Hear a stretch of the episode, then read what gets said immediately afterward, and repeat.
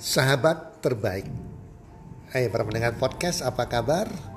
Di mana pun Anda berada saat ini harapan dan doa kami Semoga teman-teman semuanya bersama keluarga Dalam keadaan sehat walafiat dan berbahagia selalu bersama keluarga Dan pasti-pastinya rezeki Anda akan makin bertambah dari hari ke hari serta keberuntungan kesuksesan selalu menyertai Anda di sepanjang tahun ini. Para pendengar podcast, Kali ini saya akan menseringkan sebuah cerita yang saya pernah baca di Chicken Soup for the Soul.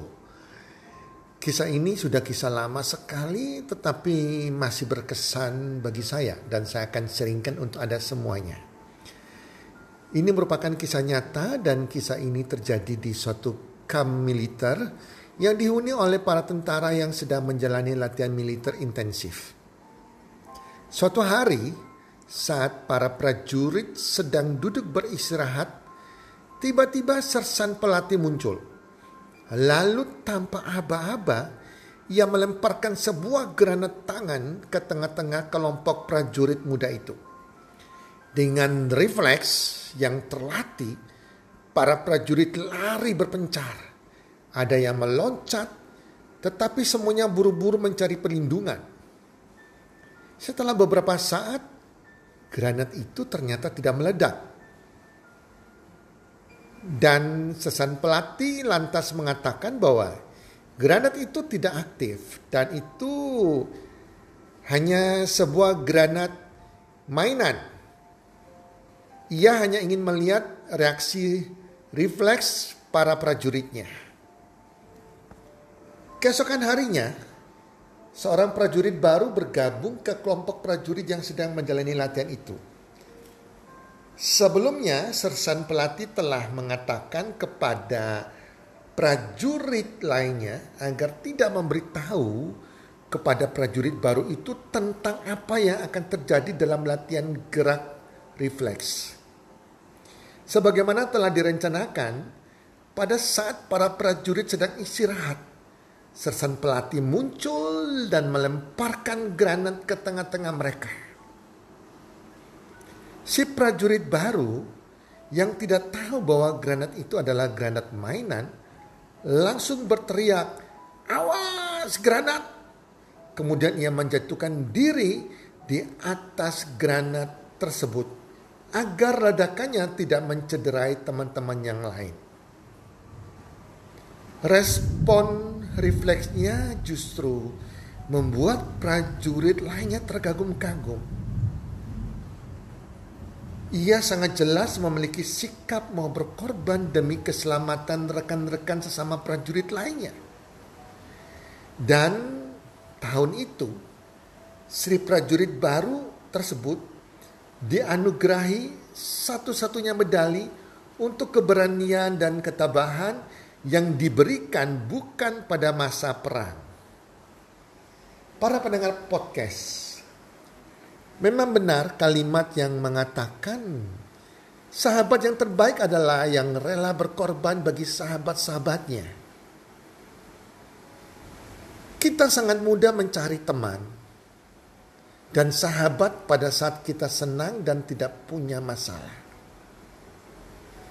Tetapi pada saat Anda mempunyai masalah, terjebak dalam kesulitan yang bertubi-tubi dan mengalami kesengsaraan, di situlah kita baru sadar apakah seseorang yang kita anggap sebagai sahabat, apakah ia benar-benar sahabat atau hanya sebagai teman.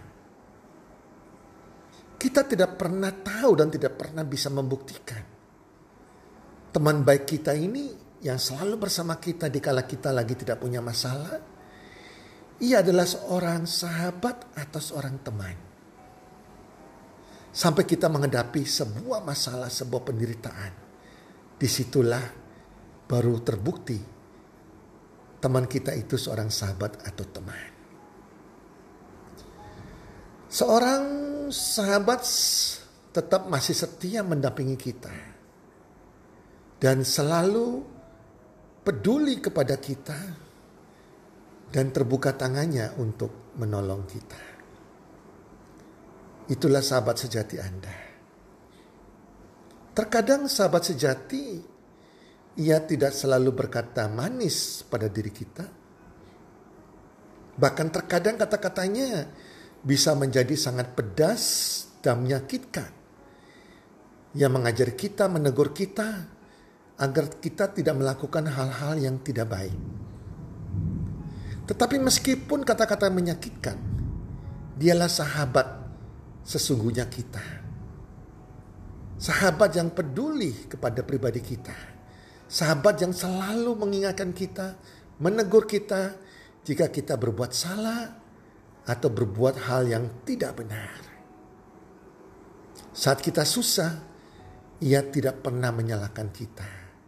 Ia tidak pernah meninggalkan kita. Ia mau menjadi pendengar yang baik untuk kita. Ia mau menjadi pendoa untuk masalah kita dan ia sangat peduli kepada kehidupan kita. Justru ia rela berkorban dan mau menolong kita. Para pendengar podcast, saya pernah mengalami sebuah kisah tentang teman atau sahabat ini. Waktu saya mulai SMA dan kuliah, khususnya memasuki masa kuliah sampai lulus kuliah saya memiliki lima sahabat yang waktu itu saya menganggap mereka itu adalah sahabat saya. Kita dalam keadaan yang senang-senang, tidak punya masalah. Semuanya akrab, ke mana-mana kami berlima, ke mana-mana kami tertawa, bersenang-senang, beriang gembira, keluar sama-sama, main sama-sama. Sehingga suatu saat saya mengalami kebangkrutan dalam bisnis saya. Begitu saya mengalami kebangkrutan dalam bisnis saya. Satu persatu sahabat saya yang saya menganggap mereka sahabat menghindari saya bahkan tidak mau menerima telepon dari saya. Bahkan saya dalam keadaan terpuruk, stres, karena lagi bangkrut saat itu. Saya ingin mencurahkan stres saya, saya ingin bercerita kepada sahabat saya untuk curhat hati agar melepaskan beban, himpitan yang ada dalam pikiran saya itu pun mereka tidak mau sebagai pendengar yang baik. Mereka menghindari saya. Saya bahkan bermain ke rumah mereka. Mereka menolak saya dengan beralasan mohon maaf mereka mau keluar. Ada urusan penting. Akhirnya saya sadar. Pada saat keadaan saya lagi di atas. Saya tidak bisa membedakan mereka teman atau sahabat pada saat saya lagi di bawah, saya lagi jatuh, terbukti mereka bukan sahabat, makanya teman. Teman dikala senang. Dan semuanya meninggalkan saya. Pada saat saya bangkrut, saya bukannya hubungi mereka untuk mau pinjam uang atau membayar hutang saya. Tidak sama sekali demi Tuhan tidak sama sekali. Saya hanya ingin cerita, curhat, penderitaan saya kepada sesama sahabat saya. Dan itunya tidak ada, itu pun tidak ada kepedulian dari mereka. Jadi teman-teman, beruntunglah kalau Anda punya seorang sahabat sejati. Walaupun hanya satu orang. Kalau itu seorang sahabat walaupun hanya satu. Lebih berarti daripada seribu teman. Jadi para pendengar podcast, tanggung jawab kita dalam kehidupan ini adalah mencari sahabat sejati kita. Dan pada saat kita bahagia, janganlah kita melupakan sahabat kita yang selalu setia mendampingi kita tanpa syarat tersebut. Semoga podcast kali ini bisa memberikan inspirasi bagi Anda dan menjadi berkat bagi Anda. Salam sukses, one, two, three.